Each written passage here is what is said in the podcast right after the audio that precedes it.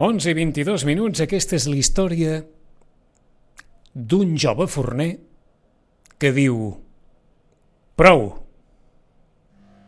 i tira milles.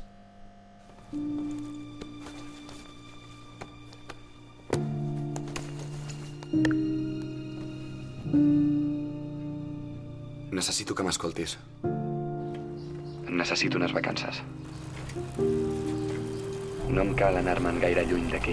El que em cal és anar-me'n ben lluny de tu.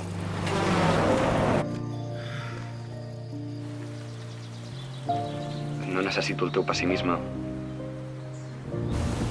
Ni els teus dubtes. Ara necessito menjar i veure coses bones que em facin feliç. I deixa de dir-me que ja vindran temps millors. Hem de tornar a trobar-nos, no puc esperar.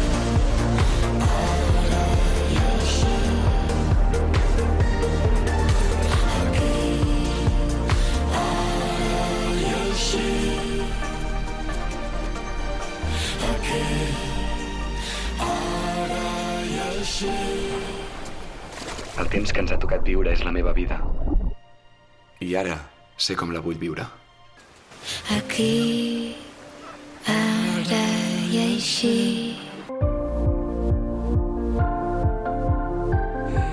Per la banda sonora de l'anunci d'Estrella d'Am d'aquest eh, 2022, aquí, ara i així, Estrella ha comptat amb Rigoberta Bandini. Molt abans del mamà, mamà, mamà, segurament vostès recordaran l'any passat l'Aviam què passa, que era la, la, la cançó de l'anunci, aviam què passa, aviam què passa. Bé, doncs, Rigoberta Bandini hi ha posat la cançó. La veu, Santi Balmes, acompanyat per Clara Vinyals, de Renaldo i Clara. El tema el poden trobar a les principals plataformes musicals i és el que posa fons aquesta història, com us dèiem, la història d'un forner que es diu Eric i que inicia d'alguna manera una mena de, de catarsi personal amb un viatge arreu de Catalunya en què es troba eh, amb amics i en què d'alguna manera vol deixar enrere eh, tot allò que, que l'ha condicionat al llarg de, de la seva vida. Aquesta és la història d'un spot que ha fet Oriol Villar i ha realitzat Nacho Gaian. El temps que ens ha tocat viure és la meva vida i ara sé com vull viure. I per la paella que ens ha fet el Joan. I l'espot dona voltes, no direm que per tot Catalunya, però gairebé, gairebé. Marc Martínez, bon dia i bona hora. Bon dia, Vicent. Apa que n'heu donat de voltes, eh? Uf, moltes, moltes. Jo jo vaig intentar pensar al final de, de, de les 20, dels 26 dies frenètics que van ser el projecte, i jo calculo que vaig fer entre 6 i 8.000 quilòmetres. 26 dies? 26 dies entre el dia que jo arribo a l'oficina, hola, Ahà. bon dia, i m'expliquen el projecte, eh, i, i bueno, et fiques en marxa i fins l'últim dia de, de tancar números. Eh. 26 dies seguits. És clar, evidentment, això és un viatge iniciàtic per, per Catalunya i aquest viatge eh, ens porta a molts llocs. A quants llocs? A quantes localitzacions, Marc? Mira, jo et diré que vam rodar, hi havia una previsió de rodar 7 dies, vale? eh, i vam acabar rodant 10 dies. seguits, Ahà. Vale? Llavors això, vam començar, aquí hi ha un petit, hi ha un petit, hi ha un petit truco, vale? perquè vam, estar, vam començar rodant el que seria el Valle de Hecho, que és el Pirineu de- El Valle de Hecho. De hecho, de hecho és un lloc espectacular. És espectacular, però és, bueno, maquíssim. Maquíssim, el que passa és que, clar, que, que tots aquests llocs, doncs, això, el Valle d'Echo, el Berguedà, el Ripollès, eh, la Cerdanya, eh, la Garrotxa, la Costa Brava, Portbou, eh, Barcelona, Igualada, tots aquests llocs. estar provant. Però el que és que, clar, per arribar a aquests llocs, hi ha llocs, eh, això que té el Valle d'Echo, el Valle d'Echo, per arribar al lloc on vam rodar, nosaltres arribàvem amb els transports que estaven a hora, a una hora de l'hotel, Sí? sense cobertura, sense res, per vies del món, llavors tenies que agafar unes picats, eh, uns 4x4 amb remolc, i pujar 25 minuts per una pista forestal fins a arribar al lloc de rodatge. Això era, clar, i tenien que veure la sortida del sol. No dic jo la matinada que, que ens vam tindre que fer. O, o sigui que, que allà a dormir a la muntanya, vaja, com si anessis de- d'excursió amb l'escola. No, vam, vam dormir a l'hotel a, Ah. a, a, a Osca. Això vol dir Eh. sortir, què, a les 3 de la matinada? Sí, a les dues i mitja sonava el despertador, a les tres sortíem i a les sis estàvem, estàvem rodant amb, la, amb els primers punts de, de sol. Uh, uh, esclar, com que és un anunci en què, òbviament, eh, ja és habitual en els anuncis d'estrella, però el paisatge hi té un, un, un protagonisme molt important, gairebé com els mateixos protagonistes humans de, de, de l'espot, suposo que no deu ser fàcil escollir entre paisatges quan tu ens dius el Valle de Echo i un altre podria dir, escolta'm, i, i, i jo què sé, i el Pedraforca, i un altre podria dir eh, les agudes del Montseny, i un altre podria dir aigües tortes, i, i, i en sortirien una llista llarga, no? Sortiria una llista per sort, per sort en aquest país tenim molts llocs molt macos, val? que esperem que els conservem entre tots, perquè si no, eh, no els tindrem. I el, el que sí que està clar és que el Nacho Gallan, el director de l'Espot, ell tenia clar que, que ell volia com quatre o cinc espais ben diferenciats. D'acord. Un, un quan ell apareixia, quan ell surt del seu, del seu fort, després per un lloc molt secà, perquè vam estar també a Lleida, rodant, eh, la carretera és Lleida, és un lloc molt més sec, el Congost de, De Montremei, de, Mont, de Montrebell, no? que, que allò està sec i tal. Llavors, a mida que puja alta muntanya, allà perds, perds el que seria el verd, perquè realment és, és muntanya pelada, perquè Mhm. era aquesta època, era, era, era el maig i hi havia llocs on vam tindre que, que treure neu per poder arribar. És a dir, es va enviar una brigada dos dies abans a poder netejar perquè estaven carreteres encara estaven neu. I després ja més, entres més cap a la zona de Garrotxa on comences a tindre aquell verd, verd, verd, verd fins a arribar al, al mar. Mhm. Vale, llavors, llavors, en funció d'això, s'inicia... Clar, jo et dic que jo vaig entrar a principis de maig, el, el dia 2 de maig, però ja feia 15 dies que ja s'estava treballant, perquè per anar amb parcs naturals, parcs nacionals, la tramitació dels permisos són mínim entre 15 i 3 setmanes. D'acord, et volia preguntar sobre això, perquè evidentment la, la tramitació dels permisos, com sempre, com qualsevol tasca administrativa burocràtica, eh, eh, porta temps, però vull creure que a diferència d'altres indrets on has anat a petar, eh, rodar en un escenari així, massa condicionants externs no deus tenir, ni trànsit, ni, ni persones, ni has de tallar, evidentment. Sup suposo que es pot rodar amb una certa llibertat. Es pot rodar una certa llibertat un cop estàs allà, el que passa és el que et dic, al Valle d'Echo, per exemple, aquest, aquests vehicles 4x4 que ens pujaven, va tindre que ser d'uns ramaders de zona, que eren els únics que estaven autoritzats a entrar vehicles. D'acord? Després, després al Berguedà, eh, que tenien que fer una seqüència amb efecte pluja, el que comporta una cuba d'aigua, efectes especials, tot això, eh, també era una pista on està prohibit el pas a, a vehicles rodats. Per una qüestió també de, de, de, que dèiem, no? de manteniment de l'entorn, com parcs Mhm. naturals, parcs nacionals, eh, i llavors, clar, si a la gent normal tu no la deixes passar amb un vehicle mecànic, Està clar, només Eh, falta que... és que anem nosaltres els del rodatge perquè som més guapos, no? Mm, mm, I llavors has de buscar, doncs, això, qui està autoritzat per entrar en aquella zona, amb, amb tot el que comporta, no? Perquè tu portes els teus 3 o 4 camions de material, que has d'arribar abans, els has de descarregar, els has de ficar en un remor d'un tractor, pujar-lo, però bueno, eh, hem de conviure amb això, no? També és el que dèiem. Eh, eh, esclar, estem bastant més acostumats en aquestes latituds a, a rodatges, a tot el que comporta la logística, la infraestructura, però en un indret tan, tan allunyat de les multituds com, com pot ser, doncs això, enmig de- d'un escenari, d'un paisatge en una d'aquestes valls, com, com reben la, les persones que viuen habitualment un desembarcament de, de tot això?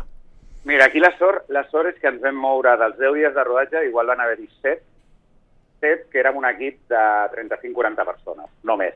Ahà. És a dir, érem un equip bastant reduït en comparació amb els dos o tres dies que vam fer la festa i que vam rodar més a, a lo que seria Barcelona, que igual érem 70, no? Llavors, el, el, el desembarcament és molt més menor, no? La, zona, la, la gent de la zona està, està, bueno, clar, per ells és un... Igual no han vist mai un rodatge Ja, ni, ni han vist allò, no? El, el que sí és que, per contra, el que dèiem, no? pues el, hi ha els agents rurals i els vigilants del parc que tenen que fer norma, la seva normativa. Llavors aquí és un, un toma i daca, no? Bueno, on em deixes ficar o fins a on puc arribar, fins tal... Després la infraestructura d'hotels, que per molt que siguis 35 o 40 persones, ja t'ho dic, que teníem hotels que estaven a una hora i quart del lloc uh -huh. i potser feies la, la, o, la, o feies el, el, la sortida de sol o feies al, al capvespre. Amb el que comporta, no? que potser acabes de rodar a les 10 de la nit al capdamunt d'una muntanya al Berguedà. Baixa en 4x4, Quatre. carregues camions, vés a l'hotel, sopa, 12 de la nit, saps? Eh, bueno, eh, Sí, sí, Lo tre, que- tres hores i cap amunt. Exacte, exacte. El que, el que passa és que el fet de fer aquest canvi de, de, de que teníem previst rodar 7 dies a rodar-ne 10, amb tot el que suposa, és perquè també es va fer un... vam tindre que fer un exercici numèric, que clar, tot això va controlat per uns números, eh, que sortia més a compte rodar 3 dies més que no rodar 7 dies vulguem fer la sortida de sol i la posta de sol. Ahà. Perquè, ah, perquè som hores, amb hores són moltes hores, són moltes hores extres, i és matar l'equip, no? És a dir, eh, tu la gent, quan al final acabes fent 16 hores diàries durant 3 dies conduint per carreteres, a part de que acaba rebentat, pots tindre un accident greu. I llavors, parlant amb la productora, es va fer aquest exercici i vam veure que sortia inclús més a compte rodar més dies i menys hores. I la gent estava més descansada, vam poder fer... O fèiem, o fèiem sortides sol o fèiem posta. No Mhm. fèiem cap de les dues coses, no? Llavors eh, es va poder eh, acoplar això. Sí, sí, no, no, va ser una feinada... Va, va, ser un projecte agradable, molt agradable, molt bé, molt... Una... El fet de ser un equip tan reduït també comporta que la gent sigui... de que te, te, et facis més amb la gent Sí. i realment satisfactori. Satisfactori. Uh, um, una qüestió a partir de tot aquest uh, muntatge i si la pandèmia ha afectat o no.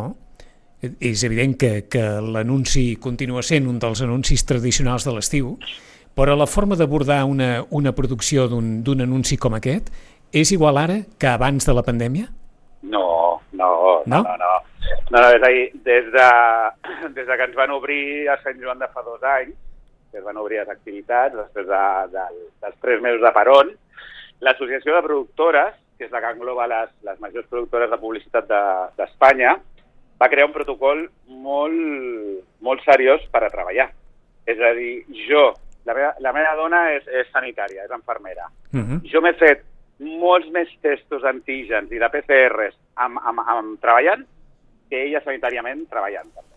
És a dir, nosaltres, cada cop que hem fet un projecte, amb aquests dos anys que portem postpandèmia, antígens, PCRs, eh, enfermers a rodatge, preses de temperatura, eh, bueno, és a dir, amb tot el que suposa també de gastos. Eh, Clar, és que t'ho preguntava precisament per si la qüestió del, dels costos ha canviat o no respecte a abans de la pandèmia. Si, no, no, no ho dic ja en el sentit de si es mira més, si es mira menys, si això també ha influït en, a l'hora de, de planificar els costos de, dels rodatges. Sí, sí, sí, no, el, el... s'ha generat, és a dir, nosaltres treballem amb un Excel, per dir alguna cosa, no? I, i a l'Excel hi ha una partida nova des de fa dos anys que és eh, costos Covid. Però clar, que, que costos, ja t'ho dic, amb un equip de, amb un rodatge de 5 dies de 70 persones, penseu que 48 hores fent antígens i el primer dia haver fet un PCR a tot l'equip, eh, no vulguis saber els milers d'euros que són això. Però és, és un cost que se li passava directament al client i els clients, en aquest cas Estrella, en aquest Sí. cas tots els que hem estat rodant, estaven molt conscienciats. És a dir, estaven molt conscienciats que això és un cost que s'havia d'assumir. Uh -huh. S'havia d'assumir per poder treballar Ah, amb seguretat. Tot. això, se- això seguirà així aquest any, Marc?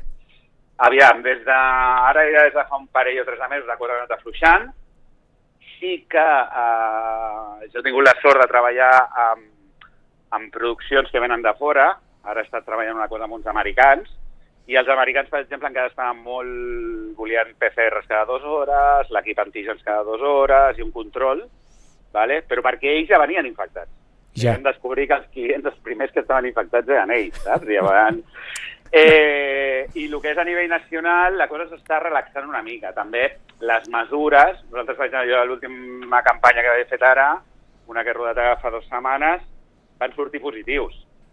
Clar, legalment poden treballar aquesta gent, però nosaltres per seguretat se'ls envia a casa i se'ls Mhm. paga igualment la feina. I t'has de buscar un suplent que faci la feina que feia aquella persona. Però no te la vols jugar a que el teu anunci o la teva productora o el teu projecte eh, escampi el virus, saps? Llavors, eh, real, realment s'ha fet una tasca molt, molt, molt forta i molt important de contenció, de seguretat. Ah una, darrera, una darrera qüestió. Com, com n'està sortint el sector de, de la pandèmia? Pues mira, el sector de la pandèmia jo diria que l'audiovisual podríem dir que és un dels sectors que, entre cometes, li ha anat millor la pandèmia. Perquè pensem, pensem que durant els tres mesos de pandèmia es va consumir molt de, molt de producció, Uh -huh. molt de contingut, moltes plataformes, moltes pel·lícules, molt tal, i un cop ens obren, per exemple, Netflix, té que produir, perquè sí, del seu catàleg de, no sé, de 2.500 sèries, eh, igual la gent n'ha vist 2.000, dic a nivell mundial, eh? Sí, sí, sí. Eh, I llavors, clar, què ha provocat això? Doncs que en aquest moment i des de fa un any i escaig enrere s'està produint, s'estan fent una sèrie de ficcions a nivell nacional que no hi ha tècnics. És a dir, no hi ha tècnics. Llavors, els que ens dediquem més a la publicitat ens trobem que falten tècnics. Sembla mentida, eh? Ah- Ahir parlàvem amb en Josep Carbonell, que està als equips de producció de, de concerts, d'esdeveniments, i ens deia, Sí. falten tècnics. Avui parlem amb Marc Martínez, que està en els equips de producció de, de publicitat, falten tècnics. Falten tècnics, no, no, és, és, és, és molt curiós que tu en el moment de que, de que et bloquegen unes dates perquè tens un projecte que està, està aprovat i que treballaràs potser aquí tres setmanes, el primer que fas és bloquejar equips, és a dir, des del càtering al, a l'elèctric, al tal, perquè saps que com t'esperis una setmana igual no trobes gent. Ara, perdona'm que t'ho digui d'aquesta manera. És clar, si falten tècnics, es valoren més els tècnics que cadascú té? Home, el, el fet de disposar del teu equip i de la teva gent es valora. Perquè quan a vegades has tingut que agafar... Jo, per exemple, he estat a punt de no agafar projectes perquè no tenia ningú de la meva confiança Ahà. de, de mà dreta meva. Després s'ho han pogut combinar, ha pogut estar, jo normalment treballo en un equip de dos, quatre persones, i llavors si no tenia cap d'aquests, jo no volia fer el projecte. I perquè vol- realment, clar, el que passa és que quan falten tècnics apareixen molta gent nova, que no saps d'on ve, sense, sense experiència, Sí. i, i realment al final t'estàs ficant a, a un berenjenal mm, jo sí, jo he, fet, jo he estat cap de producció de l'Estrella, però gràcies al meu equip de producció que tenia darrere. I vols dir que això també podria ajudar a tècnics que porten molts anys amb, amb feines precàries i que, en, i que en canvi tenen una vàlua inqüestionable i que han hagut d'anar cavalcant per contractes precaris i potser aquesta situació ajudarà precisament encara a, a poder millorar les seves condicions?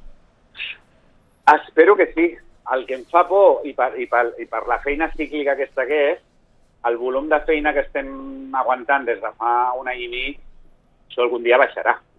Ja. Un dia baixarà, baixarà però per, per una qüestió lògica de... Bueno, ara ja tots estem sentint que a partir de setembre, octubre, la crisi, no? És a dir, ja ens estan venent tot, tot això que pot, pot passar a partir de setembre, octubre, no? Llavors, el fet de les produccions audiovisuals que puguin baixar, com Movistar, com Netflix, com Amazon, igual no inverteixin tant, torna a escopir gent cap al sector. Ja. Llavors, llavors clar, és, és una qüestió psíquica, eh? ja, Mhm. ja, ja, ja portem molts anys que, Està que, clar. ens movem, que ens movem a això i llavors ens, ens trobem que de cop i volta torna a haver-hi una sobresaturació de tècnics. Mhm.